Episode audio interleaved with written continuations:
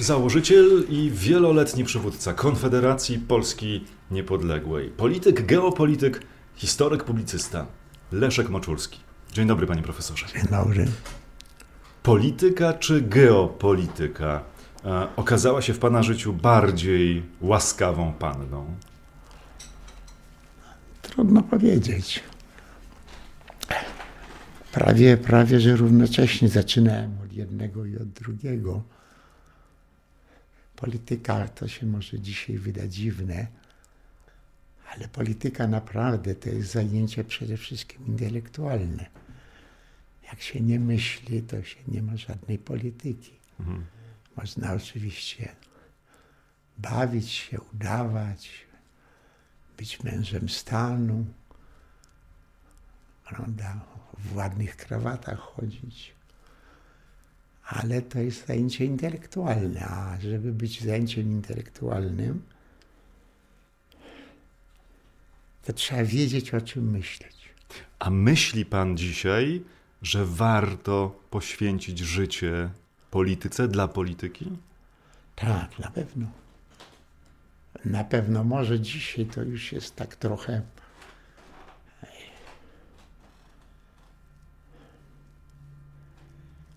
Dzisiaj trochę wstyd. E, natomiast wtedy, kiedy ja się, kiedy się zajmowałem polityką i, i w konspiracji i 15 lat jawnie, w jawnej opozycji, trochę więcej w konspiracji, to nie tylko było warto, trzeba było, to było konieczne. Prawdopodobnie, gdyby się inaczej potoczyła polska historia, e, to bym się tylko zajmował nauką. Prawdopodobnie. Ale e, tak mnie, tak mnie, że tak powiem, wychowywano jak miałem 5 lat, to myślałem, że największym nieszczęściem na świecie była wojna peloponeska. O I wojnie światowej jeszcze nie słyszałem, ale e, wojnę peloponeską Peryklesa to już nieźle znałem. I prawdopodobnie wyłącznie poszedł w tym kierunku. Natomiast stworzyła się taka sytuacja, że nie było wyboru. I kiedy pan tego wyboru dokonał, w połowie lat 80., y, mówił pan tak. Sądzę, że działalność polityczna może być o wiele bardziej twórcza niż tak zwana działalność artystyczna. Dzisiaj też by pan tak y, powiedział? Nie wiem, czy bym użył słowa artystyczna. Przyznam się, że mnie to słowo zaskoczyło. Działalność artystyczna, no taka z prawdziwego zdarzenia, mm, to jest sztuka. Polityka jest zajęciem intelektualnym, ale polityka to też jest jakąś sztuką. Rzeczywista, prawdziwa polityka, prawda? Nie, nie gimnastyka, prawda? Kto jest za to, naciska przyciski podnosi. To jest gimnastyka sejmowa. No, akrobatów mamy wielu w polityce, tak, a tak. prawdziwych artystów chyba ze świecą szukać. W tej chwili tak. Było może parę osób, ale na ogół już nie żyją. Czuje się pan spełniony jako przywódca polityczny? Ja pan, moim spełnieniem było osiągnięcie niepodległości przez Polskę. E, I w tym sensie czuję się e, spełniony, zwłaszcza, że od początku zgłaszałem zastrzeżenia. Zastrzeżenia do polityki, zastrzeżenia do złej polityki. I tłumaczyłem ludziom, że niepodległość to wcale nie znaczy dobra polityka, e, że Polska była na przykład w okresie międzywojennym niewątpliwie niepodległa, a były okresy, kiedy była, e, kiedy ta polityka była bardzo zła. Lata pierwsza połowa lat dwudziestych i w sensie moralnym, i w sensie intelektualnym, i w sensie profesjonalnym, to, to ona była bardzo zła, była bardzo głupia. I przekonywałem ludzi, że niepodległość jest konieczna i że niepodległość jest pierwszym krokiem do jakichkolwiek zmian w Polsce. No właśnie, kiedy pan przekonywał, troszkę inaczej wyobrażał pan sobie e, rolę KPN-u, Konfederacji, już e, po uzyskaniu, odzyskaniu tej pełnej niepodległości, bo mówił pan tak, w 1985 roku w rozmowie z Maciejem Szumowskim, e, wtedy dopiero Konfederacja będzie musiała wziąć na siebie najwięcej obowiązków. To będzie nasz czas. Tak. Trochę tak to nie wyglądało. Tak to wyglądało. W 1985 roku nie zdawałem sobie sprawy, mimo wszystko po prostu e, tą politykę dostrzegaliśmy także przez rzeczywistość polityczną. I w 1985 roku nie zdawałem sobie sprawy, jak bardzo pieniądze mogą ciążyć na polityce. A pan tych pieniędzy nie miał. Dla polityki. Ale dlaczego nie miałem? Dlatego, że mówiono mi, idź jednak, do, idź do tego rządu, weź, weź trzy ministerstwa, będziecie mieli pieniądze. Ale ja nie po to siedziałem w więzieniu, żeby zostać złodziejem grosza publicznego. I teraz coś, czego nie doceniłem, na pewno nie przewidziałem, e, że bez dużej ilości pieniędzy nie można prowadzić takiej polityki, zresztą nie, nie, bardzo niewysokiego lotu, ale taka była. I teraz my, my mogliśmy oczywiście zamienić się w towarzystwa wzajemnej adoracji, załatwiać ludziom dobre posady, czerpać pieniądze publiczne. Ale ja miałem dużo lat bez pieniędzy, dosłownie bez pieniędzy. I noblesse oblige. A jak sobie pan tłumaczył swój wynik w wyborach prezydenckich w 90 roku? Te 2,5% ja byłem, ja poparcia. Byłem, ten, znaczy byłem na taki wynik więcej nastawiony. Naprawdę? Naprawdę, oczywiście. No, to, oczywiście trochę inaczej po pan pierwsze, wtedy mówił, bo kiedy przyniósł pan te 111 tysięcy podpisów, 6 jedynek kolejnych, tak. mówił pan, liczę na 8 jedynek, czyli 11 nie, milionów głosów. Dobrze, no co ja miałem innego mówić? Oczywiście nie mogłem mówić. Wybory e, dwukrotnie startowałem w wyborach prezydenckich. Za pierwszym razem wybory prezydenckie były szansą szerokiej popularyzacji e, KPN-u i dzięki tym wyborom weszliśmy na, właściwie na czołowym miejscu do Sejmu. E, weszliśmy na czołowym miejscu do Sejmu. Jedyne pieniądze, które mieliśmy, to były pieniądze, które dostawali posłowie. I nagle się potem ciągu lat okazało, że KPN jest taką instytucją, która posłom zabiera pieniądze, a pozostałe ugrupowania posłom dają pieniądze. Ten 90 rok, jeszcze się zatrzymam, bo te, te 2,5%, 400 tysięcy, 411 tysięcy głosów, to było 10 razy mniej niż wynik Stanisława Tymińskiego. Pan się wtedy wściekł, jak pomyślał, że jakiś nieznany nikomu y, człowiek ma 10 razy lepszy wynik od pana? Ponieważ ja e, e, wiedziałem, że tych wyborów nie mogę wygrać, wiadomo było, że wygraje Wałęsa. E, ja chciałem jakoś te wybory rozegrać, mm, co też zresztą nie wyszło w jakiś taki sposób, żeby wpłynąć na przyszłą prezydenturę. Na pewno wiedziałem, że to nie jest moja prezydentura.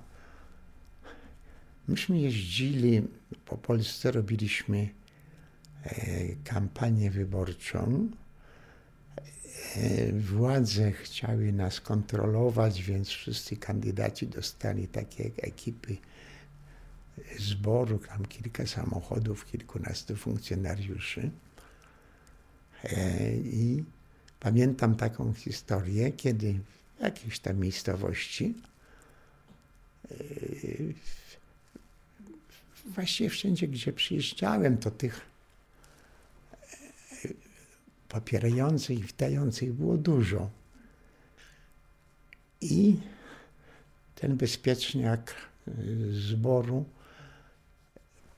po jakiejś takiej masowej imprezie mówi, no to ma pan już wybory w kieszeni. Ja mówię, dlaczego? No przecież wszyscy są za panem. Ja mówię, a ile przyszło tutaj ludzi? No bardzo dużo. Ile? No z 300, z 400.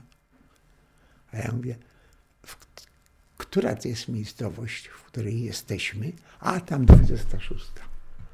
Wiesz tak? I teraz niech pan przeliczy.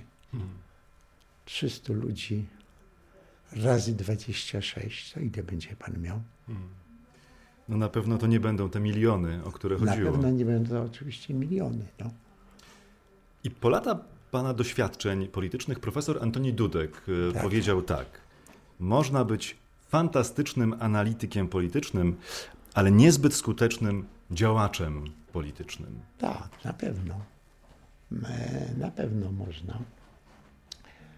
Ja pan, to co na samym początku powiedziałem, e, że polityka jest zdjęciem intelektualnym. No. E, już może nie, nie w takim stopniu jak wcześniej, bo ludzie wymierali, ale KPN był jedyną, jedynym ugrupowaniem politycznym, które przygotowywało się do przejęcia władzy w państwie. I przejęcia przez ludzi przygotowanych do rządzenia.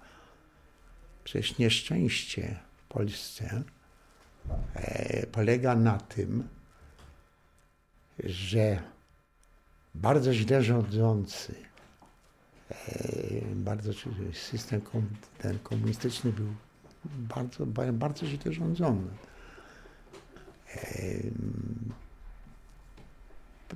Żadnej perspektywy w przyszłość, żadnej realnej oceny sytuacji. Była to nędza. Była to nędza. Po czym przyszła Solidarność, przyszła opozycja, której cechą było jedno. Nie wierzyła że zostanie obalony ustrój komunistyczny w Polsce. Kiedy pan o ten scenariusz i walczył, i w ten scenariusz wierzył, miał pan y, sporo okazji, żeby o tym myśleć w więziennej rzeczywistości. Ja, w więziennej to już, wie pan, w więziennej to... No tak, ale zastanawiam się, kiedy tak naprawdę pan się bał w tamtym czasie? Albo się cały czas bałem, bośmy się w jakimś, jakimś stopniu bali, prawda?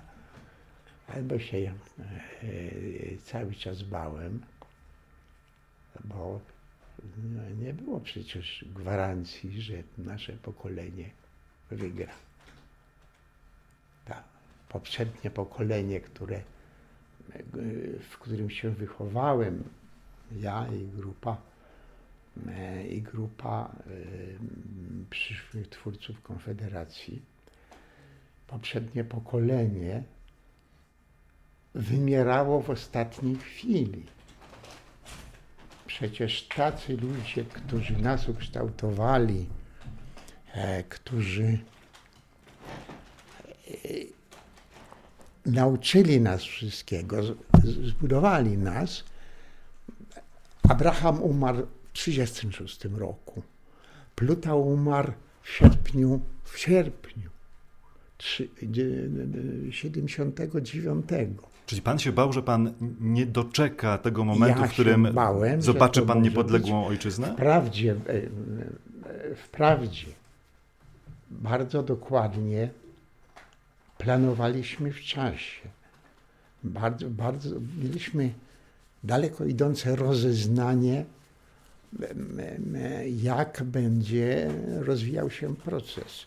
Znaczy dwa procesy, które nas, nas interesowały. Znaczy jeden proces to jest proces upadku Związku Radzieckiego. To jest po prostu zwykła katastrofa potencjałowa i Związek Radziecki z dużym wysiłkiem przez kilkadziesiąt lat e, pracował nad własną katastrofą potencjałową. Tutaj można było nawet dość, dość łatwo niektóre rzeczy wyliczyć.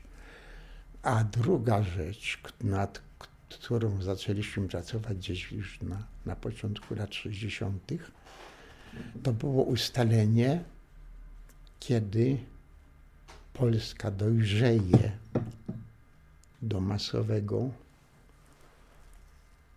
do rzeczywiście masowego działania. Dla nas to było powstanie. Wiedzieliśmy już, że to nie jest powstanie zbrojne. Odrzuciliśmy ta, całą część tej doktryny.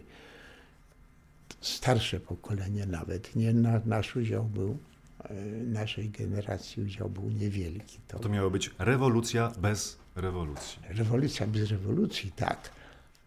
To, to była długa, długa, burzliwa, skomplikowana droga. Zastanawiam się, czy po latach, dzisiaj, kiedy pan myśli o tamtym e, czasie i po kilkunastu latach e, swoich sądowych zmagań w procesach autolustracyjnych, e, inaczej patrzy pan dzisiaj na swoje, jak pan mówił, spotkania z bezpiecznikami? Na ogół te spotkania były wtedy, kiedy mnie łapano, no, na ulicy czy w domu i tak dalej. Ale po latach y, mówił pan, że rozmawiał z tymi bezpiecznikami, bo chciał pan wiedzieć, czym się oni interesują. Zastanawiam się. Miałem jeden taki okres, znaczy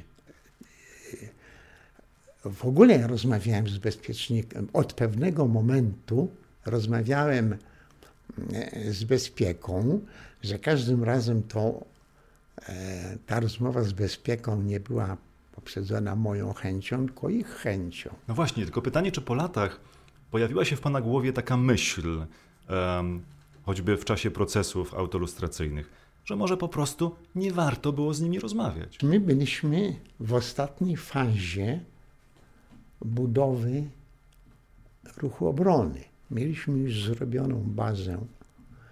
Oni już tę- tą bazę zaczęli tykać. E, Po prostu tam już, już, to byli ludzie o, e, w znacznej mierze o, nie, o słabym bardzo doświadczeniu konspiracyjnym. E, Także to się z trudem, że tak powiem, utrzymywało w tajemnicy, ale jak z bezpieki wynika, to, to całkiem nieźle wypadaliśmy. I tak się rozpoczęła seria moich rozmów z facetem. Em, em, Polegała ta seria na tych rozmów na tym, że poczynając od tego pierwszego dnia uzgodniliśmy, uzgadnialiśmy termin jakiś, na, że ja przyjdę i będziemy mogli em, e, rozmawiać. I dostawałem wezwanie. I facet mi wypisywał wezwanie i dawałem to wezwanie do ręki. I, i to sześć, osiem razy coś tak raczej y, na, na początku roku 77 spotkałem się z nim. Zresztą i on miał przygotowane, e, on się mnie spytał, czy ja wolę rozmawiać z nim w biurze, czy w kawiarni. Ja mówię, oczywiście, że w kawiarni. W 1982 roku przed sądem mówił pan: Śni mi się Wielka Polska. E, Przed sądem. wolna, Tak. niepodległa, Tak. sprawiedliwa. Ten sen się spełnił? I tak i nie. Ta Polska jest źle rządzona po prostu. Ta Polska jest rządzona przez ludzi, którzy są nieprzygotowani do pełnienia, do, e, do pełnienia polityki. Ja prze,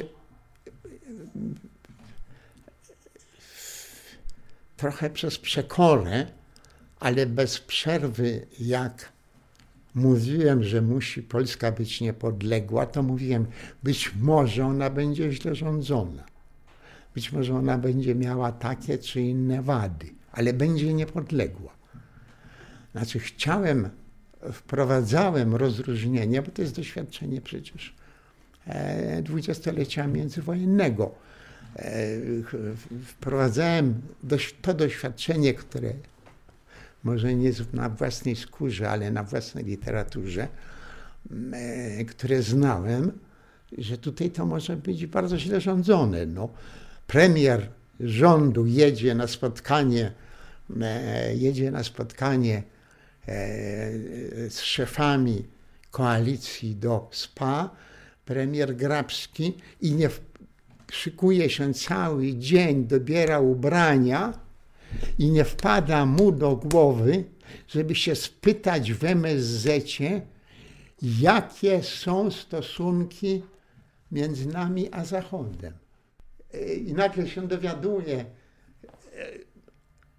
czegoś, czego nie wie. On wprawdzie był ministrem, ale się nie zajmował polityką zagraniczną. Zajmował się gospodarką, był ekonomistą. W ogóle się nigdy w życiu nie zajmował polityką. I teraz ja oczywiście zakładałem, że tacy ludzie mogą rządzić Polską. Miałem nadzieję, że nie, ale tak to zakładałem. No, o, 20 o dwudziestoleciu międzywojennym mówił pan, że to była słoneczna epoka. Bo pan się urodził w słonecznej epoce. Epoka, A dzisiaj jaka jest pogoda? Jest słońce? E, jak pan widzi, nie ma. Jak pan widzi, zapowiadają mróz. Aż tak źle?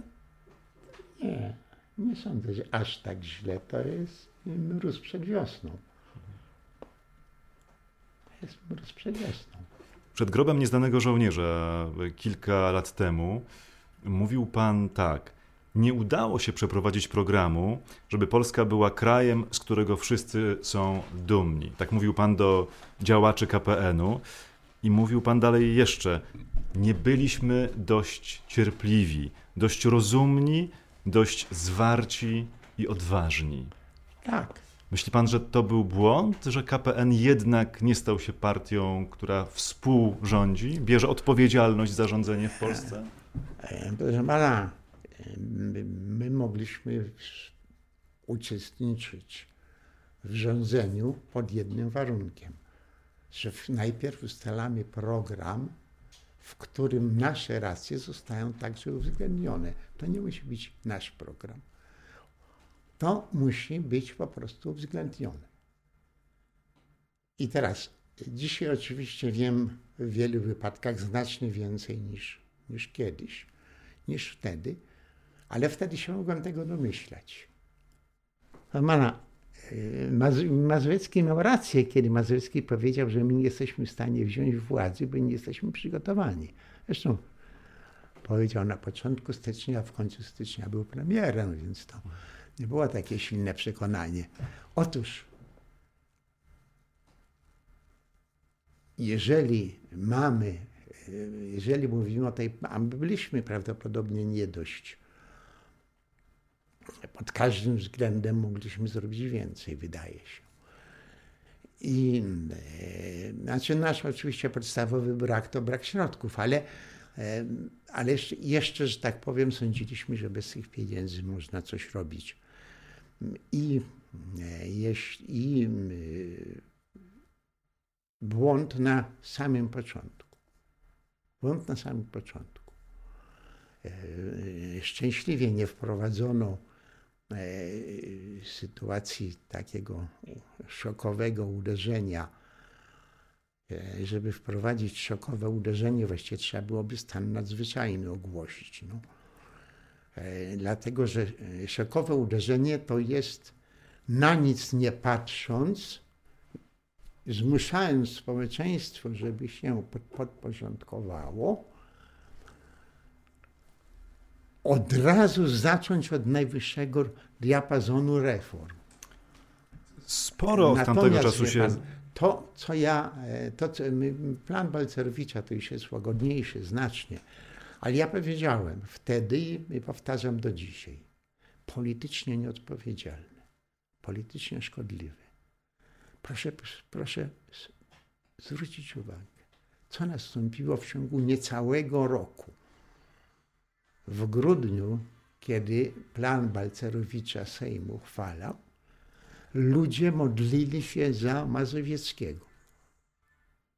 Ludzie przynosili pieniądze. I to na nazwisko Mazowieckiego wszystko szło. Dziesięć miesięcy później, podczas wyborów, przecież absolutna klęska. Ale dlaczego absolutna klęska? Jeżeli się zaczyna budowę nowego państwa, które zostało, a poprzednie zostało obalone wysiłkiem tych uboższych, tych pracujących. Jeżeli się zaczyna budowę takiego państwa od, od tego, żeby im pogorszyć, to oczywiście to musi dać takie skutki. Panie profesorze, czasie walki o wyzwolenie spod jarzma państwa komunistycznego tak. wielu widziało w panu marzyciela, żeby nie powiedzieć niebezpiecznego marzyciela. A dzisiaj o czym pan marzy? Dzisiaj sytuacja jest oczywiście zupełnie inna. Należy w jakiejś mierze przywrócić, przede wszystkim przywrócić normalność. Odejść od głupich eksperymentów, odejść od myślenia kategoriami Gomułki, ale także odejść od myślenia kategoriami Mazowieckiego. Ja no, znam, znałem Tadeusza jeszcze od studiów, a jak wyszedłem z więzienia w 1958 roku, e, to znalazłem jakieś takie schronienie, można to coś tak nazwać, na pewien okres czasu właśnie u Mazowieckiego więzi. Zawsze ceniłem Mazowieckiego, on był na pewno człowiekiem wykształconym, rzeczywiście, y, może nieformalnie, ale, ale e, wysoce wykształconym, inteligentnym, uczciwym i tak dalej. Tylko na klęczkach. Ale nie na klęczkach dlatego, że, e, że my żeśmy e, żadnemu Żydowi nic nie zrobili. Nie dlatego. Tylko dlatego na klęczkach, że przecież Moskwa jest potężna. A dla nas Moskwa to było coś, co szło do upadku. A, ta, to była ta podstawowa różnica. My wiedzieliśmy, że Związek, że Związek Radziecki skończy katastrofą potencjałową, bo to było, e, e, bo nie, nie można było, in, innych, innych rozwiązań nie było. A ma pan jakieś niepolityczne marzenia? Marzenia poza polityką? Tak, oczywiście.